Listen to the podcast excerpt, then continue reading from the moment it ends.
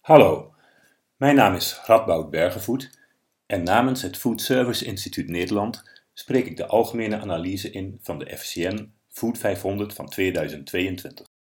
De omzet van de FCN Food 500 over 2021 kwam uit op 49,9 miljard.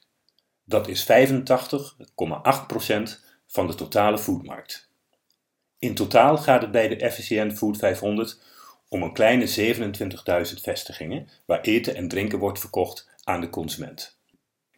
Het marktaandeel van 85,8% toont hoe relevant de FCN Food 500 is voor een goed inzicht in de Nederlandse foodbranche. De grootste verandering in deze editie is de sterke groei van food retail ten koste van food service. Door de gedwongen sluiting van de horeca en het thuiswerkadvies verschoof tijdens corona veel omzet van food service naar food retail.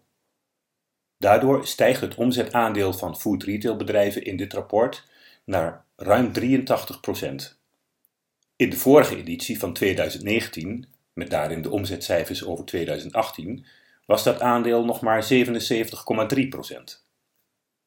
In vergelijking met 2019 verloren alle segmenten binnen food service marktaandeel terwijl het marktaandeel van food retail bedrijven juist groeide. De coronapandemie heeft gezorgd voor een extreme groei in online levensmiddelenverkoop. Gezamenlijk behaalden de bezorgretailers een omzet van 3,9 miljard.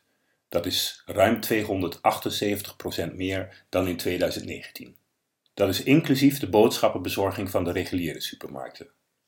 Het aantal formules in het segment online bij New Retail is sinds de vorige uitgave van de FCN Food 500 gestegen van 20 naar 42.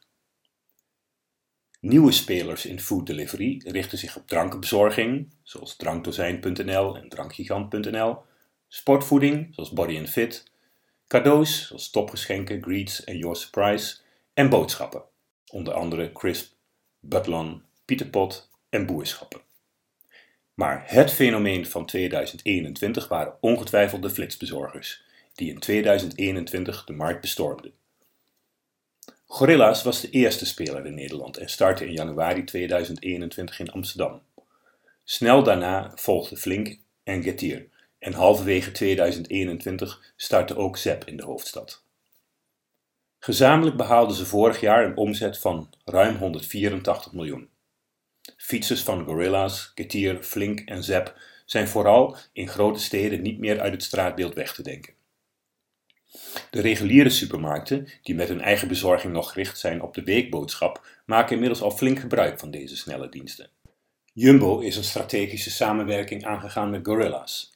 En Albert Heijn en Coop maakten onlangs bekend dat zij via andere platforms zoals thuisbezorg.nl en Deliveroo hun boodschappen binnen minuten gaan bezorgen. Allemaal om de gemaksconsument, die zijn aankoopbeslissing steeds langer uitstelt, op zijn wenken te bedienen. De explosieve groei van flitsbezorging met de gevolgen daarvan voor de openbare ruimte wordt niet door iedereen toegejuicht. Sommige gemeenten hebben al maatregelen genomen, Amsterdam voorop.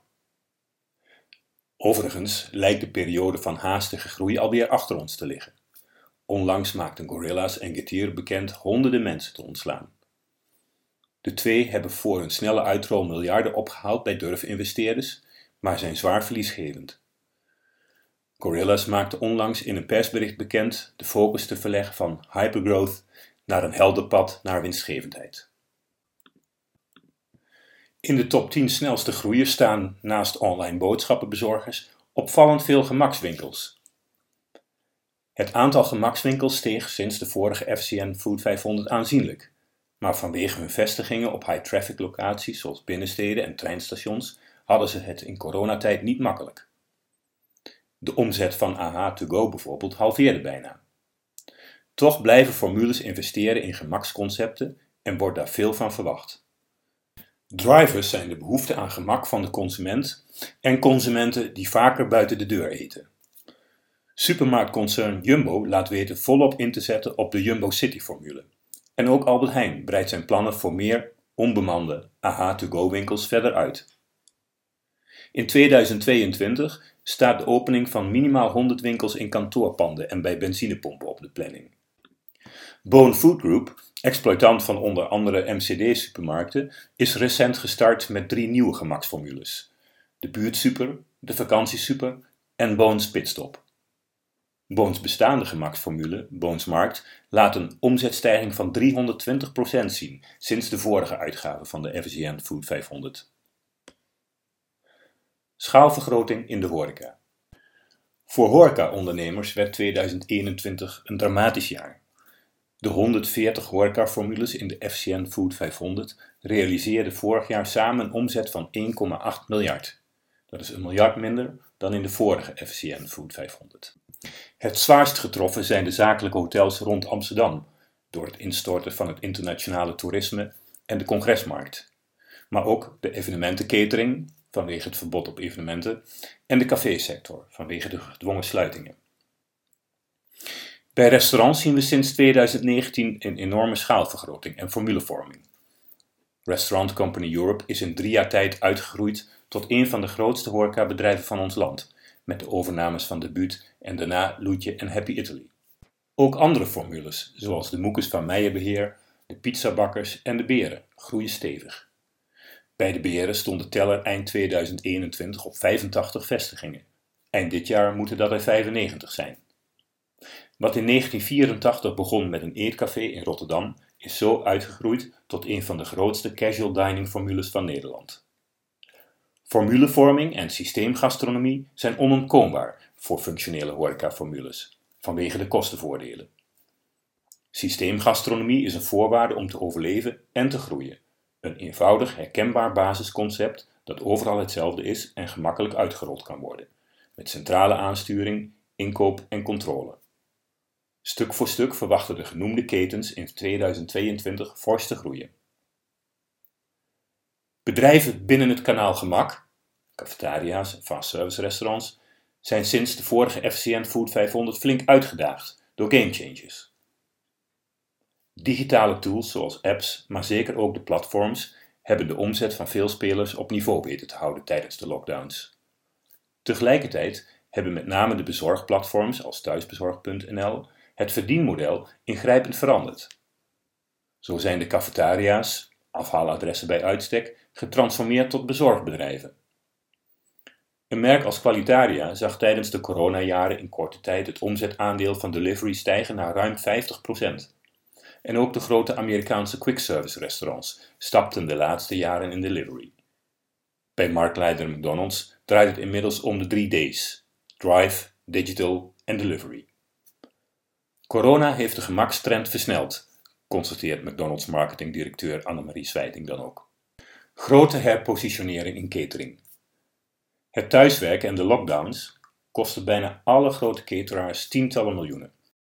De grote internationale cateraars verloren elk ongeveer 100 miljoen ten opzichte van drie jaar geleden. Dat dit daarnaast ook gold voor de grootste in-flight cateraar, KCS, hoeft geen betoog. De luchtvaart kwam immers grotendeels tot stilstand. Catering is in de breedte al langere tijd een uitdagende markt. De branche herstelde moeilijk van de economische crisis in de periode 2009-2013. Maar als de signalen niet bedriegen, zullen alle cateraars in 2022 weer groeicijfers kunnen presenteren. Ondertussen zijn ze flink aan het herpositioneren. Vrijwel alle cateringmerken hebben in hun concepten grote aandacht voor vitaliteit, gezondheid en duurzaamheid.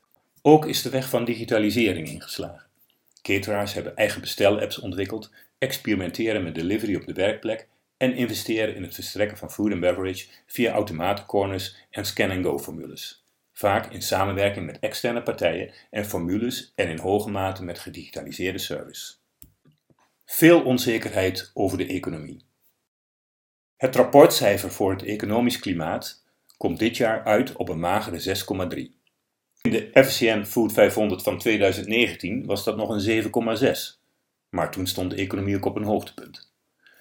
Nu vrezen veel ondernemers een economische recessie. De hardst geraakte sectoren van het afgelopen jaar, catering en horeca, zijn met een 6,5 minder somber dan supermarkten en speciaalzaken, die corona juist extra omzet kregen. De horeca komt uit een beroerde situatie en richt terecht de blik omhoog. Prijsstijging en personeelskrapte zijn met afstand de twee grootste bedreigingen volgens de ondernemers, gevolgd door een economische recessie. Dat is volstrekt logisch gezien de torenhoge en aanhoudende inflatie van rond de 10% en de crisissituatie op de arbeidsmarkt. Met 112 vacatures op 1000 banen verdubbelde de vacaturegraad in de horeca. Niet eerder werd er in enig bedrijfstak in Nederland een vacaturegraad gemeten boven de 100. Maar ook in de detailhandel zijn de tekorten groot. Deze acute zorgen hebben andere bedreigingen, zoals de groeiende concurrentie van supermarkten en de macht van internetplatforms, twee hooggenoteerde bedreigingen uit de vorige FCN Food 500, voorlopig naar de achtergrond gedreven.